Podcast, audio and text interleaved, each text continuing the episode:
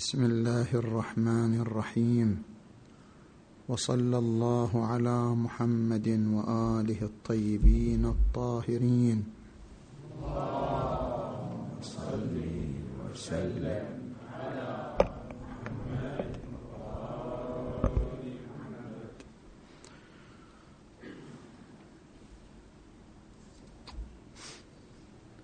ما زال الكلام في تفسير حقيقة الواحي. وقد ذكرنا في الليلة السابقة ضرورة وجود الوحي من منطق فلسفي ومنطق عرفاني ومنطق كلامي. وفي هذه الليلة نتكلم عن المقارنة بين الرؤيتين. الرؤية النفسية في تحليل حقيقة الوحي والرؤية الدينية في تحليل حقيقة الوحي. ولذلك فعندنا محاور ثلاثة. المحور الأول هل أن النبي صلى الله عليه وآله في عملية الوحي له دور محوري فهو فاعل وصانع أم هو مجرد أداة لاستيعاب ما يلقى عليه كآلة التسجيل التي تلتقط الصوت من دون أن يكون لها دور محوري في عملية استيعاب المضمون.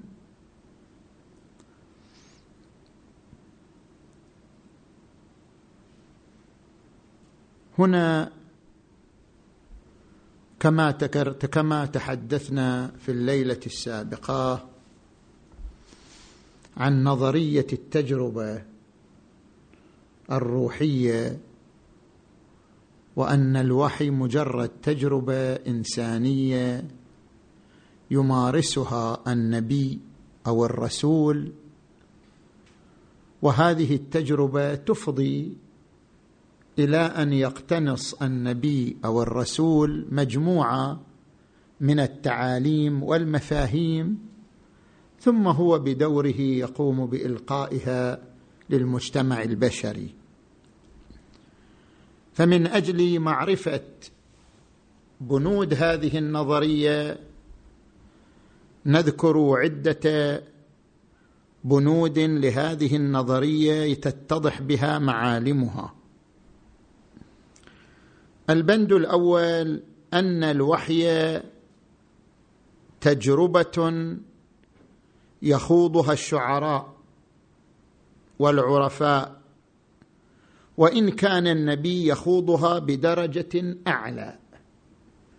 أي نفس العملية سنخ العملية التي يخوضها الشاعر ويخوضها العارف يخوضها النبي ولكن بدرجة أرقى وبدرجة أعلى. الوحي أداة معرفية تختلف في وظيفتها عن العلم والفلسفة. ما هو الفرق بين الشاعر والعالم والفيلسوف؟ حتى نميز بين العملية التي يخوضها العالم والعملية التي يخوضها الفيلسوف والعملية التي يخوضها الشاعر. نأتي إلى مسألة الظلم حقيقة الظلم. العلم هو إدراك محض يعني العلم لا يصنع وإنما يستقبل. كان يعلم الإنسان أن الظلم أمر قبيح حقيقة يستقبلها بعلمه يستقبلها بعقله. هذا الاستقبال يسمى علم. علم الإنسان أن الظلم قبيح هذا علم. الفلسفة هي عبارة عن التحليل. وصل إليه أن الظلم قبيح. يأتي دور الفيلسوف ليقوم بتحليل هذه القضية. ما معنى الظلم؟ الظلم سلب ذي الحق حقه. كيف يتكون الحق؟ وعلى إثره يترتب العدالة والظلم. ما معنى قبيح؟ قبح عقلي قبح وجداني. تحليل القضية يسمى بفلسفة. أما الشعر أو العملية الشعرية التي يمارسها الشاعر في هذا المجال فهي أداة تختلف عن العلم والفلسفة. باعتبار أن الشاعر مثلا في المقام يقوم ويصنع صياغة وصورة لم تصدر من الفيلسوف ولا من العالم من أجل أن يؤثر على النفوس. فيقول مثلا كما قال المتنبي الظلم من شيم النفوس فإن تجد ذا عفة فلعلة لا يظلم. هو يصنع مفهوم. هو يصنع مفهوم من أجل التأثير على الآخرين على قلوبهم على عقولهم. فالعملية الشعرية هي عملية صنع عملية إبداع. لذلك تختلف عن العلم الذي هو مجرد استقبال للمعلومة وتختلف عن الفلسفة التي هي تحليل للمعلومة الوافدة. هؤلاء يرون أن الوحي من سنخ الشعر يعني أن النبي يصنع يبدع يصنع مفاهيم ومفردات من أجل التأثير على من حوله من الناس. زين. هذا البند الأول. البند الثاني الدور المحوري للنبي في عملية الوحي. ما هو الدور المحوري للنبي في عملية الوحي؟ كل نفس هذا مطلب يذكره العرفاء. كل نفس هي إلهية. كل نفس بشرية هي إلهية. بمعنى أن كل نفس بشرية هي مرآة لله هي نفخة من الله عز وجل. كل نفس بشرية هي نور إلهي. والله تبارك وتعالى تجلى في كل نفس بشرية. الله نور السماوات والأرض. إنما فرق بين النبي وغيره. أن النبي اكتشف ذلك. اكتشف أن نفسه مرآة لله. اكتشف أن نفسه نفخة لله تبارك وتعالى. يعني اكتشف العنصر الإلهي في النفس. بينما بقية العباد غافلون. إنهم إلا كالأنعام بل هم أضل. أولئك هم الغافلون. غافل عن حقيقة نفسه وأنها مرآة لله عز وجل. ولذلك ورد في الحديث النبوي الشريف من عرف نفسه فقد عرف ربه. فالنبي لما أدرك أن النفس إلهية أراد أن يخرج النور الإلهي من القوة إلى الفعل. أن يجعله شيئا مجسدا أن يجعله شيئا ممثلا لا شيئا كامنا لا شيئا خاملا. فالوحي عبارة عن استثارة يعني أن النبي يريد أن يستثير هذا العنصر الإلهي الموجود في داخل نفسه ليحوله إلى معاني إلى مفاهيم إلى أفكار. نظير ما يقوم به الشاعر من تحويل هذه المفردات الخيالية التي عنده إلى رسم إلى صورة إبداعية. ولذلك يقول هؤلاء أصحاب هذه النظرية. هناك اتحاد بين النور الإلهي وبين النفس البشرية. النور الإلهي ساطع في النفس. ما على الإنسان إلا أن يبلور هذا النور الساطع ويحوله إلى مضامين ومعاني وأفكار. وإلا كل نفس فيها نور ساطع من الله تبارك وتعالى. نظير إفاضة الماء. عندك ماء من النهر يفيض على المجاري على الكؤوس على الأوعية. كل وعاء يأخذ من الماء بقدر حدوده بقدر نصيبه. أنا عندي نور إلهي لكن أكتشف هذا النور بقدري. الولي عنده نور إلهي لكن يكتشف هذا النور بقدر طاقته. النبي أوسع طاقة فيكتشف من النور الإلهي ما هو أوسع حدودا مما يكتشفه غيره. النتيجة أن النبي خالق للوحي. لأنه يستخرج النور ويحوله إلى مضامين وأفكار ومفاهيم. بخلاف بقية البشر الغافلون عن النور النائمون. هذا حول النور إلى مفاهيم وإلى أفكار. فهو خالق للوحي بهذا المعنى. ولكن حيث أن الناس لا تدرك ما أدركه النبي هو مضطر أن يعبر عما يعيشه بألفاظ معينة بآيات معينة حتى يفهم الجميع ما يعيشه النبي المتلقي للوحي.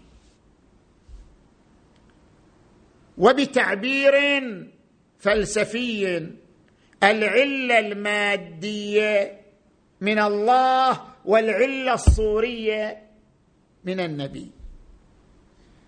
يعني شلون مثلا أنت تحضر مادة تحضر محاضرة يقول لك المحاضر أنا ألقي عليك الفكرة أنت قم بصياغتها وقولبتها ووضعها في مثلا مقالة جذابة. أنا من عندي العلة المادية أعطيتك المادة لكن العلة الصورية من عندك أنت صغتها أنت أعطيتها معالم معينة. اذا الوحي هو مادة موجودة في النفس استثارها النبي وصاغها وحولها إلى قوالب لفظية ومعاني ومفردات وأنبأها المجتمع البشري. زين.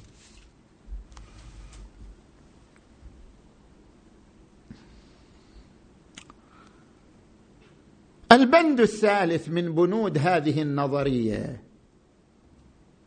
طبعا هذه النظرية كما ذكرنا في الليلة السابقة قال بها محمد إقبال اللاهوري قال بها الدكتور عبد الكريم سروش قال بها غربيون قبل أن يتحدث بها هؤلاء المفكرون المسلمون الذين نظروا للوحي بهذا التنظير.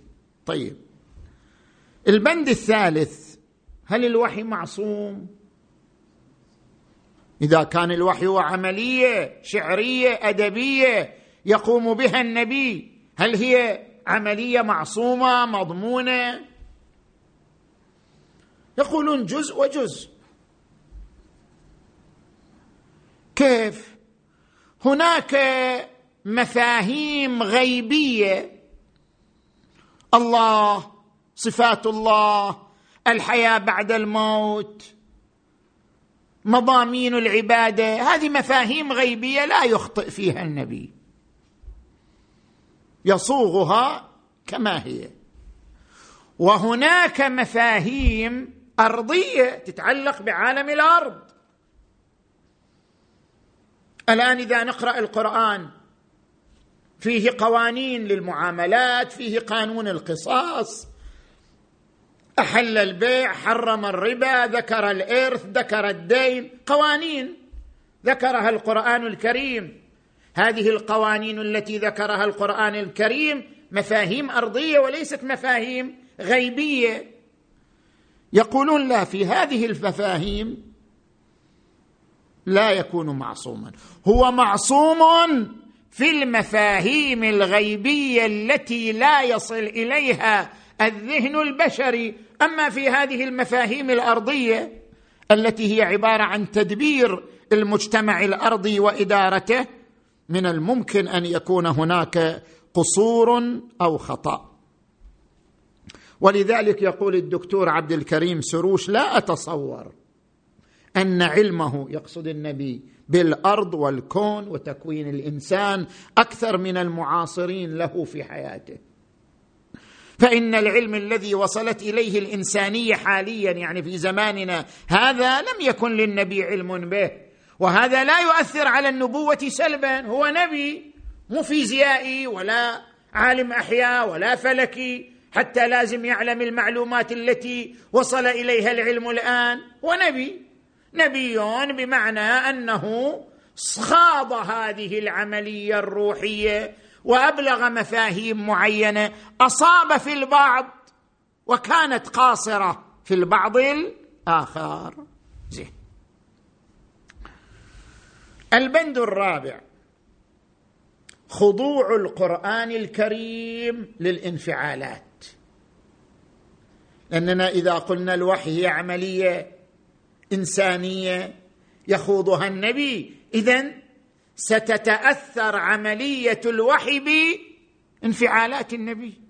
يوم حزين يطلع الوحي حزين. يوم مستبشر يطلع الوحي جميل. يوم مثلا يكون النبي رايق ذاك اليوم تطلع سورة الرحمن سورة جميلة لطيفة. يوم ذاك ذاك اليوم النبي ضايق خلقه ما له خلق. تطلع مثلا وقاتلوهم حيث ما ثقفتموهم وإلى آخره. اذا يتتأثر عملية الوحي بالانفعالات الإنسانية التي يمر بها النبي صلى الله عليه وآله. ولذلك مولوي الشاعر الفارسي يقول القرآن مرآة لقلب النبي. ما يصير في قلبه يطلع على القرآن. ومعنى ذلك أن حالات النبي المتغيرة وأوقاته السعيدة والعصبية تنعكس في القرآن. بل ابن مولوي طور قال ذهب إلى أن تعدد الزوجات. إنما أجيز في القرآن الكريم فانكحوا ما طاب لكم من النساء لأن النبي كان يحب النساء. يعني هذه الرغبة وهذه. وهذا الميل الغريزي انعكس أيضا على صياغته للوحي فصدرت منه هذه المفاهيم فانكحوا ما طاب لكم من النساء مثنى وثلاثة ورباع. زين. إذا هذا يعني أن الوحي عنصر إلهي من جهة وعنصر بشري من جهة فلذلك يتأثر بالانفعالات البشرية. البند الخامس بشرية القرآن. القرآن فيه جنب إلهية وفيه جنب بشرية. إنما أنا بشر مثلكم يوحى إلي. ففيه وحي وفيه جنب بشرية. وعليه القرآن فيه عناصر ذاتية وفيه عناصر عرضية. عناصر ذاتية القرآن تحدث عن التوحيد والعدالة والقيم الخلقية. هذه عناصر ذاتية من الله. وفيه عناصر عرضية أحكام الرق أحكام الحج كفارة الإفطار. هذه عناصر عرضية بمعنى أنها خاضعة للتغير والتبدل. جاء بها النبي لإصلاح زمانه ولا يعني أنها قوانين ثابته لا تتغير ولا تتبدل. وهذا ما يصدق على العقوبات الجسدية المذكورة في القرآن أيضا. كعقوبة الزنا كعقوبة السرقة كعقوبة القصاص كل هذه العقوبات جاء بها النبي محاكاة لثقافة زمانه وإلا فهي قابلة للتغير والتبدل. هذا شرح واضح لعملية الوحي بنظر هؤلاء الذين يرون الوحي عملية شعرية أدبية عرفانية. يخوضها النبي ويكون دوره دورا محوريا فيها كما يخوض الشاعر أي عملية أدبية من هذا القبيل. طيب.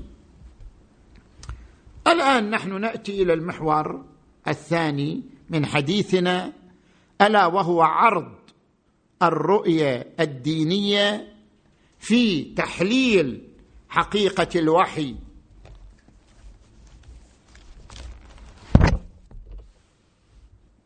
في تحليل حقيقة الوحي مقابل ما سبق بيانه من النظريه النفسيه زين. حتى نفهم عندما يقول القرآن الكريم يعني أنتم ركزوا على هالآية. وما كان لبشر أن يكلمه الله. كيف كلمة الله يعني؟ وما كان لبشر أن يكلمه الله إلا وحيا أو من وراء حجاب أو يرسل رسولا. فيوحي بإذنه ما يشاء. وكذلك أوحينا. هذه وكذلك أوحينا ما ترجع للاثنين الآخرين ترجع لأول كلمة. وما كان لبشر أن يكلمه الله إلا وحيا. الآن هذه الجملة الثانية تريد تشرح كلمة وحيا. ما تريد تشرح كلمة حاجب أو يرسل رسولا تريد تشرح كلمة وحيا. وما كان لبشر أن يكلمه الله إلا وحيا. أو من وراء حجاب أو يرسل رسولا فيوحي بإذنه ما يشاء. نرجع إلى كلمة وحيا. ما معناها؟ وكذلك أوحينا. إليك روحا من أمرنا. ما كنت تدري ما الكتاب ولا الإيمان ولكن جعلناه نورا نهدي به من نشاء من عبادنا. شنو معنى أوحينا إليك روحا من أمرنا؟ شنو معنى روحا من أمرنا؟ شنو معنى أمرنا؟ وكذلك أوحينا إليك روحا من أمرنا. ما كنت تدري ما الكتاب ولا الإيمان. الآن إحنا نتعرض إلى هذه النظرية أو إلى هذه الحقيقة القرآنية ببيان عدة نقاط فيها. النقطة الأولى معلومة منطقية فلسفية يعبر عنها بمراحل الوجود. ما هي مراحل الوجود؟ عندنا الوجود الحسي عندنا الوجود المثالي عندنا الوجود العقلي. الوجود الحسي وجود المادة الأجسام ألوانها روائحها حجمها هذا كل عالم الوجود الحسي المادي. المرحلة الثانية عالم الوجود المثالي يعني الصور. عالم الوجود المثالي عالم الوجود المثالي هو عبارة عن إدراك الصور. شلون يعني إدراك الصور؟ يعني أنا الآن مثلا أمامي صورة التفاحة بعد شوية راحت. الآن انطبعت في ذهني صورتها بقيت. هذه الصورة التي بقيت في الذهن بعد غياب الجرم وين راحت؟ في أي وعاء؟ في وعاء الخيال. الخيال قوة أخرى التقطت هذه الصورة احتفظت بها بقيت هذه الصورة. ولذلك القوة المتخيلة تصنع من الصور أشياء. ترضوا هذه الصورة التفاحه اللي عندي؟ تقوم المتخيلة تسويها كبيرة صغيرة بألوان متعددة بأشكال متعددة. قوة المتخيلة تتصرف في الصور الموجودة في عالم الخيال. هذه الصورة ليس لها مادة ليس لها لون ليس لها جرم ليس لها رائحة. هي صورة مثل الصور التي تنعكس على الورق تماما. زين. نجي إلى المرحلة الثالثة. ألا وهي مرحلة الموجودات العقلية. مرحلة الموجودات العقلية هي إدراك المفاهيم الكبرى الكلية. الظلم قبيح. هذا مو شيء مادي ولا صورة. هذا مفهوم من المفاهيم. الظلم قبيح. الله عادل. الإنسان مثلا حر مختار. كل هذه مفاهيم كبروية عامة. هذه المفاهيم الكبروية ليست في الحس ولا في الخيال وإنما هي مدركات شنو؟ عقلية تحليلية. يعبر عنها القرآن باللب بالعقل بالقلب إلى آخره. زين.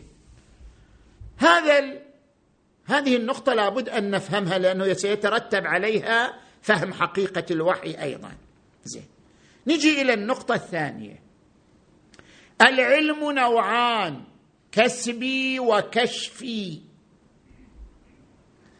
في علم كسبي وفي علم كشفي.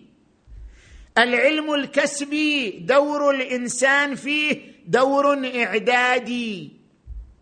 أنت الآن تطرح عليك مسألة رياضية صح؟ شو تسوي أنت؟ يقوم الذهن بحركة بحركة سريعة بين المعلومات والتدقيق والتحليل. إلى ان تصل إلى النتيجة. هذه العملية التي يقوم بها الذهن عملية إعدادية يعني تعد الذهن للوصول إلى النتيجة. هذه العملية الإعدادية تسمى بالعلم الكسبي. أنت اكتسبت معلومة لم تكن موجودة عندك. بينما العلم الكشفي لا. العلم الكشفي يعتمد على الحدس وليس على العقل. كيف يعتمد على الحدس؟ طبعا الناس متفاوتين في قوة الحدس. كناس عندهم حدس قوي كناس عندهم حدس ضعيف. افترض مثلا أنا الآن جالس وأمامي مثلا حسن هاني. أنا يصير عندي حدس حدس مفاجئ. أن حسن هاني سيسألني عن أن النبي في الوحي فاعل أم قابل؟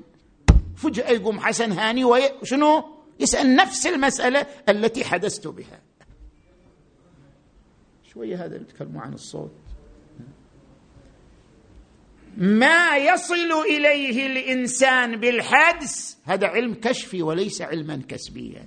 هو ما قام بأي عملية. لا عملية تفكير لا عملية إعدادية لا عملية تحليل. مجرد أن النفس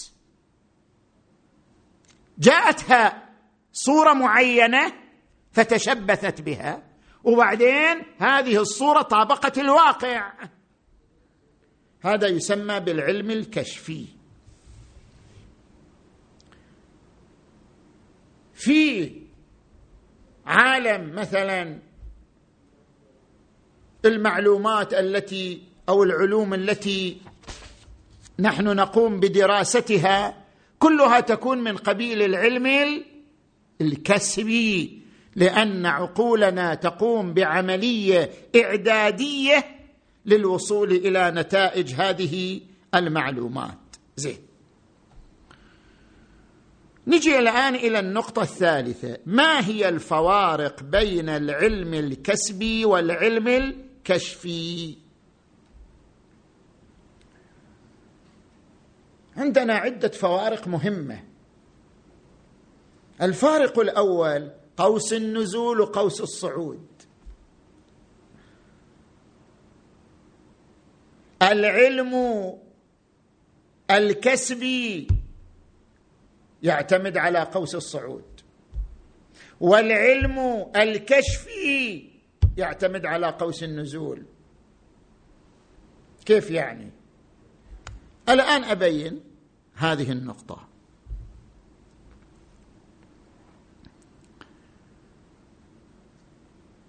الإنسان مثلا يجلس مع امرأة هي زوجته. من خلال العلاقة مع زوجته يصير عنده صور حسية. هذه امرأة لها صفات معينة هذه الصفات تعني أنها زوجتي.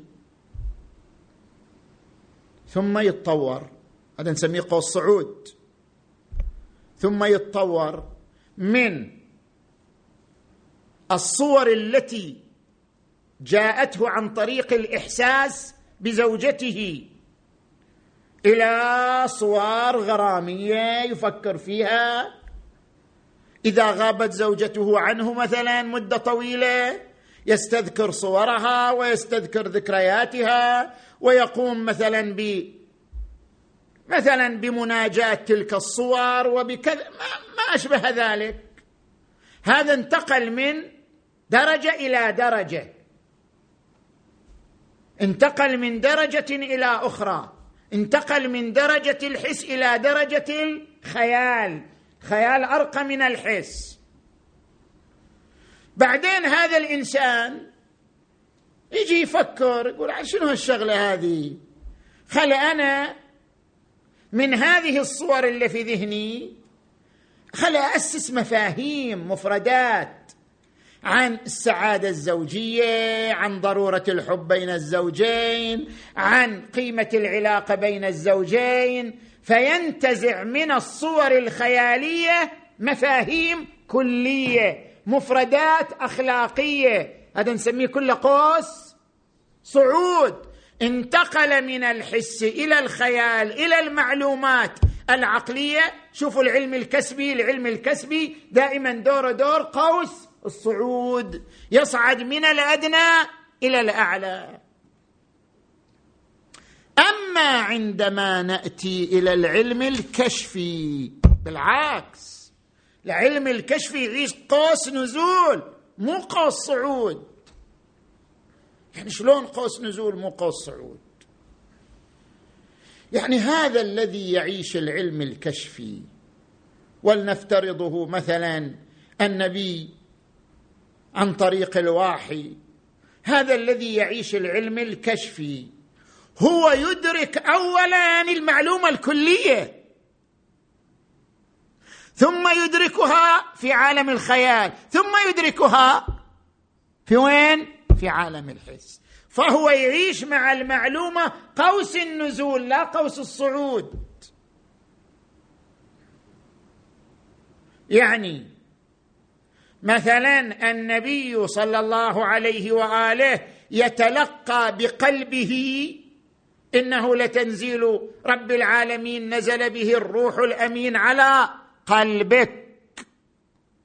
ما جاء إلى حسك وبعدين انتقل إلى خيالك وبعدين انتقل إلى عقلك. لا هو جاء إلى قلبك بشكل مباشر. نزل به الروح الأمين على قلبك لتكون من المنذرين.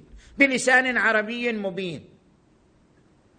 النبي صلى الله عليه وآله تلقى بقلبه هذه الصورة الكلية. وهي أن حقيقة الصلاة هي حقيقة الانتهاء عن الفحشاء والمنكر.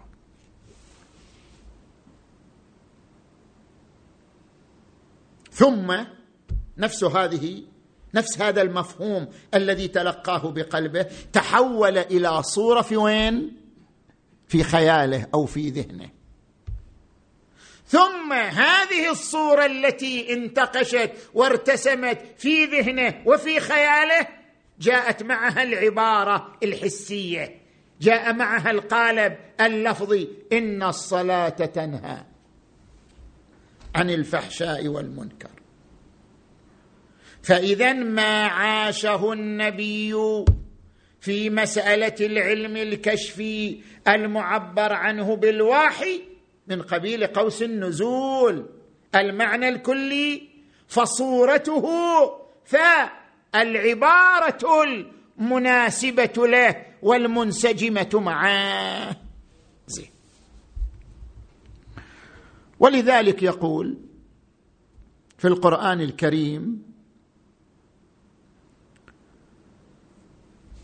إنه لقرآن كريم في لوح محفوظ. وإنه في أم الكتاب لدينا لعلي حكيم. ثم يقول إنا جعلناه قرآنا عربيا. إحنا حولناه من وين؟ من ذلك العالم. كان علي حكيم كان في أم الكتاب. نحن مارسنا قوس النزول معك. نحن مارسنا قوس النزول نقلنا هذا المعنى من المفاهيم الكلية إلى صورة ذهنية إلى لفظ عربي. إنا جعلناه قرانا عربيا لعلكم تعقلون. نزل به الروح الأمين على قلبك. هذا البداية. لتكون من المنذرين وتحول إلى لسان عربي. بلسان عربي مبين. خوش. النقطة الثالثة. في العلم الكسبي توجد اثنينية. ولذلك يمكن يخطئ يمكن يصيب. بينما في العلم الكشفي ما في اثنينية. هو هو. حتى أشرح هذا المعنى. أنا الآن مثلا أتلقى معلومة. أتلقى معلومة من أحدكم. هذه المعلومة ما تجي هي بنفسها تجي صورتها إلى ذهني. أنت الآن عندما يرسل إليك معلومة معينة زين يقال لك مثلا بأن افترض مثلا المسافة بين الشمس والأرض كذا صح؟ هل هل المسافة تجي إلى عقلك لو صورتها؟ صورة المسافة. نفس المسافة ما تجي. مسافة هي في الخارج موجودة بين الشمس وبين الأرض. ولكن صورة عن هذه المسافة تأتي إلى عقلك. إذا هناك اثنينية. المسافة شيء وصورتها شيء آخر. ونتيجة الاثنينية يمكن الصورة تطابق ويمكن تخطئ. متى ما كان بين العلم والمعلوم اثنينية جاء الخطأ والصواب ولذلك يسموه علم حصولي. ولكن متى ما كان العلم هو نفس المعلوم ليس بينهما اثنينيه مستحيل الخطأ. ولذلك يسمى علم حضوري. علمك بالمسافة بين الشمس وبين الأرض غير علمك بالصورة نفسها. المسافة ما حضرت حضرت صورتها. لذلك صار العلم حصولي. لكن صورتها هل حضرت بصورة ثانية؟ أم حضرت بنفسها؟ الصورة حاضرة بنفسها لا بصورة أخرى. فعلمك بالصورة علم حضوري. يعني العلم عين عين المعلوم. ما في اثنين. بين الصورة وبين المسافة في اثنينية. لذلك الصورة يمكن تخطئ يمكن تصيب. لكن بين الصورة ونفسها خب ما في اثنينية.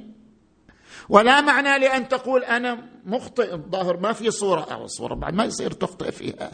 العلم بالصورة علم حضوري. بخلاف العلم بالمسافة الخارجية علم حصولي.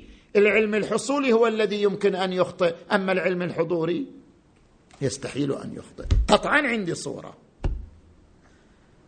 الوحي من قبيل العلم الحضوري لا من قبيل العلم الحصولي. المعاني بنفسها هي في قلب النبي صلى الله عليه وآله. لا أن صورها في قلب النبي. هي بنفسها في قلب النبي. لذلك علمه بها علم حضوري ولا إثنينية هنا حتى نقول يمكن تخطئ يمكن تصيب. زين. ولذلك الذي يتلقى يعني هذا الفارق الأخير بين العلم الكشفي والكسبي الذي يتلقى العلم الكسبي هو العقل. ليعبر عنا القرآن باللب. فبشر عبادي الذين يستمعون القول فيتبعون أحسنه. يعني يقوموا تحليل فكروا. أولئك الذين هداهم الله وأولئك هم أولو الألباب. الباب يعني عقول. بينما العلم الكشفي وين موطنه القلب؟ وليس العقل. نزل به الروح الأمين على قلبك. واللي قلبه ما يستقبل العلم الكشفي أعمى. إنها لا تعمى الابصار ولكن تعمى القلوب التي في الصدور. زين. نأتي إلى النقطة الرابعة. إن الدور المحوري للنبي صلى الله عليه وآله في قف في قبول الوحي. يعني النبي هذا يعني شوية سيد عبد الكريم سروش يقول حيف خلوا النبي نبي خلوا مثل آلة التسجيل. بس مستقبل ما عنده حركة ما يصنع شيء ما يعني عملية الوحي جعلتموها عملية ميتة جامدة. النبي فيها مجرد مستقبل مجرد جهاز. بينما نحن الذين نقول بأن الوحي هو تجربة إنسانية بشرية لا نجعل للنبي دور حيوي. يصنع صورة يعبر عنها بألفاظ يعبر عنها بمفاهيم. نحن نجعل عملية الوحي عملية حيوية.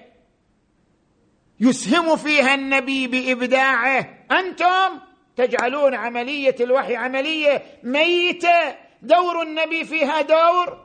الجهاز اللي يستقبله خلاص. ما في شيء آخر.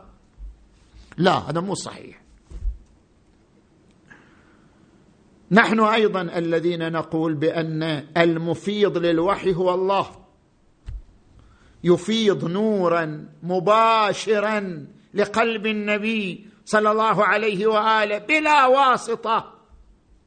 هذا الذي يفيضه الله تبارك وتعالى على قلب النبي بلا واسطة. هذا النور هو الوحي. هذا النور هو الروح. وكذلك أوحينا إليك روحا من أمرنا ما كنت تدري ما الكتاب ولا الإيمان. هذا عندما يصل إلى النبي النبي فقط وعاء. لا هناك دور محوري للنبي. التفاعل مع هذا النور قلبا وعقلا ولسانا. يتفاعل معه قلبا. يكتنز يختزن هذا النور. يتفاعل معه عقلا. تتولد لهذا النور صور في عقله. يتفاعل معه لسانا ولغه. عندما ينطق بهذا الوحي وينطق بهذه المفردات. زين. أكو قاعدة نذكرها ونربطها بالبحث. ربما سمعتم هذه القاعدة الفلسفية كل حادث فهو مسبوق بمادة ومدة. طيب الوحي حادث شيء أحدثه الله. القرآن الكريم يقول كذلك ما يأتيهم من ذكر من ربهم محدث. الوحي حادث أحدثه الله صنعه الله. وكل حادث مسبوق بمادة ومدة. يعني مستحيل شيء يحصل في عالم الطبيعة بدون زمن وبدون مادة. لابد له مادة وله زمن. كل حادث مسبوق بمادة ومدة. اذا الوحي مسبوق بمادة ومدة. اذا الوحي في عنصر مادي. اذا الوحي في عنصر بشري. الجواب عن ذلك. كل حادث مسبوق بمادة ومدة هذا في الحوادث المادية. والحوادث على قسمين. حوادث في عالم المجردات عن المادة حوادث في عالم الطبيعة. الحادث في عالم الطبيعة يكون مسبوق بمادة ومدة. أما الحادث في عالم المجردات ليس مسبوقا بمادة ولا مدة. وبعبارة أخرى كما يقولون هناك عالم خلق هناك عالم آمر. عالم الخلق هو عالم الطبيعة. ما يصير شيء في عالم الطبيعة بدون مدة ولا مادة. ولكن عالم الأمر ألا له الخلق والأمر؟ عالم الأمر مجرد عن المادة والمدة. الوحي علاقة مباشرة بين الموحي وهو الله وبين قلب النبي صلى الله عليه وآله. وهذان كلاهما ليس شيئا ماديا. فالعلاقة التي بينهما ليست علاقة مادية. والنور المفاض ليس نورا. شنو؟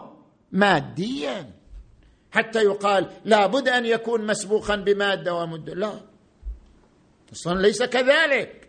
اذا بالنتيجة نفس الوحي الذي هو نور ملكوتي قدسي بين الموحي وهو الله تعالى والموحى إليه وهو قلب النبي صلى الله عليه وآله أمر مجرد عن عالم المادة. ولكن عندما نأتي لقوس النزول وإحنا قلنا في قوس نزول؟ عندما ينتقل الوحي إلى الصور ومن الصور إلى ال... شنو؟ الألفاظ. حينئذ عندما ينتقل من الصور إلى الألفاظ يلبس الصورة المادية ويكون مسبوقا بمادة ومدة. فالمسبوق بمادة ومدة الفاظ القرآن لا حقيقة القرآن. حقيقة القرآن أمر مجرد ونور ملكوتي. خوش.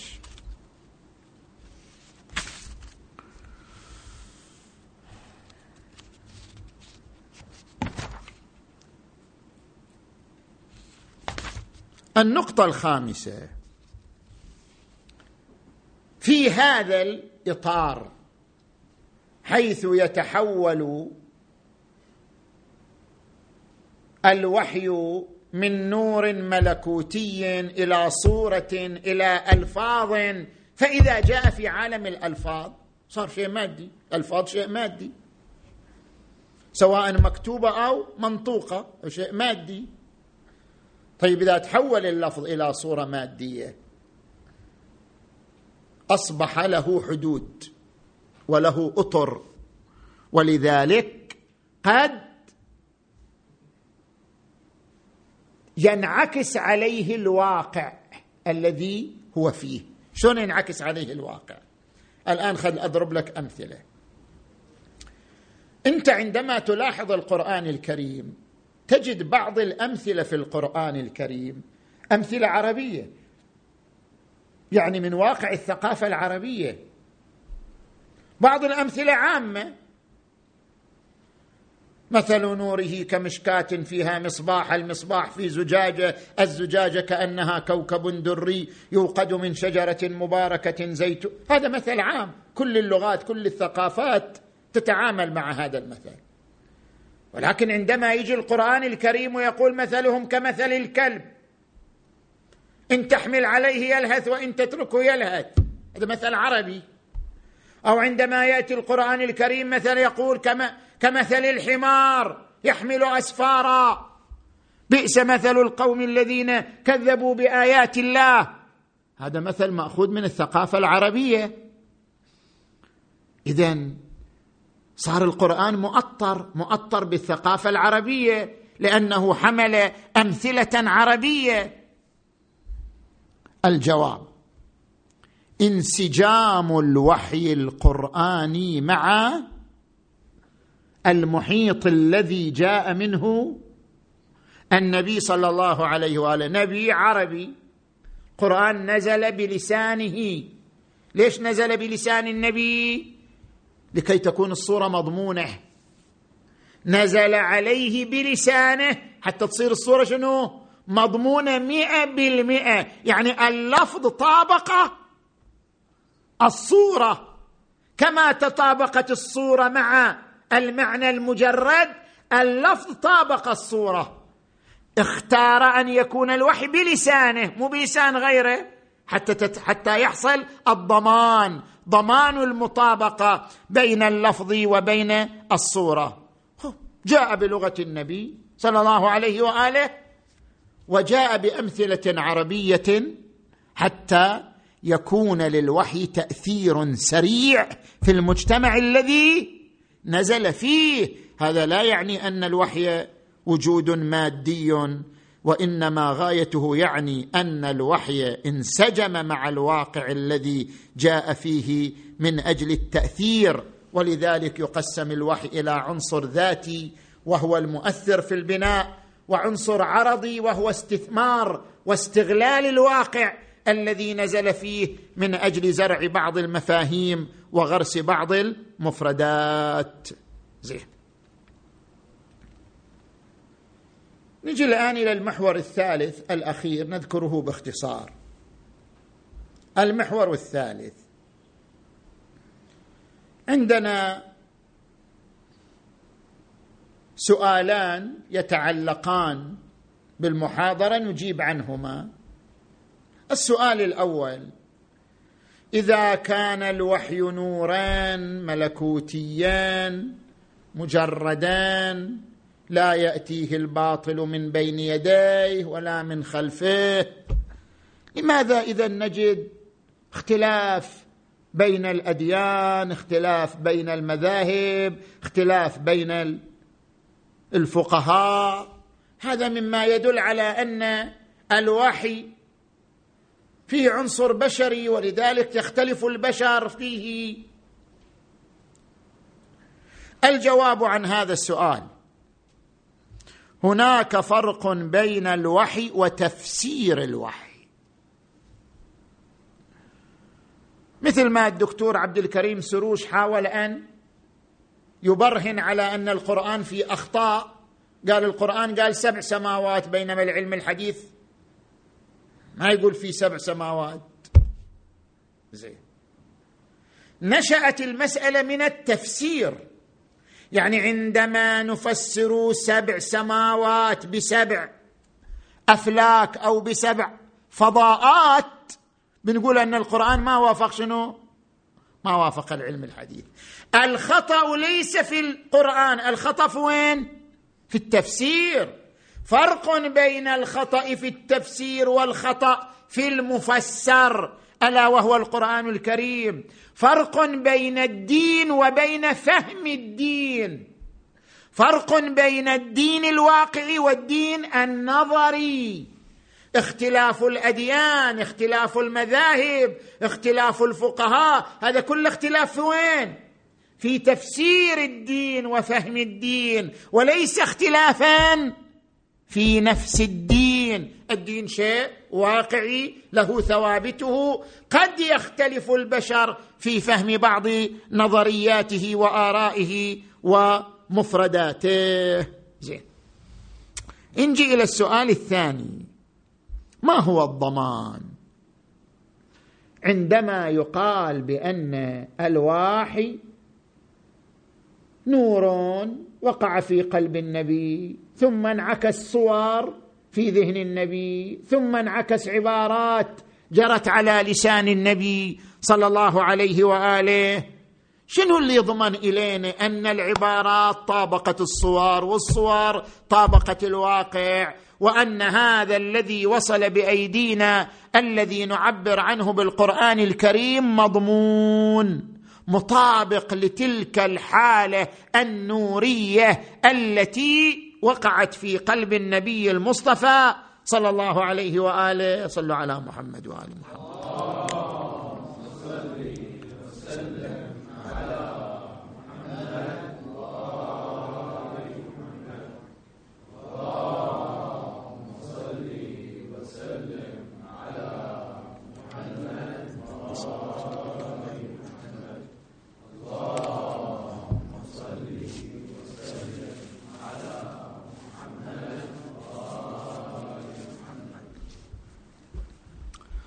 الضمان نوعان ضمان ثبوتي ضمان إثباتي. ضمان ثبوتي بمعنى أن الألفاظ تطابقت مع الصور والصور تطابقت مع المعاني المكتنزة في قلب النبي المصطفى صلى الله عليه وآله.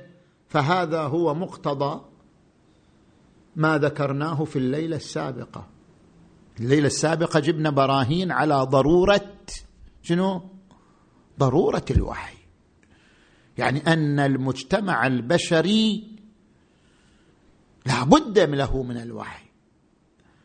فبما أن الله تبارك وتعالى مقتضى لطفه أن ينزل على المجتمع البشري وحيا بهدف أن يوصل دينه إلى المجتمع البشري. فهو المسؤول تعالى أن يوصل دونه بصورة شنو؟ سليمة بصورة مضمونة. وإلا لو لم يوصل دينه إلى المجتمع البشري بصورة سليمة أو معرض للخطأ أو معرض للاغتشاش فهذا نقض لهدفه تبارك وتعالى.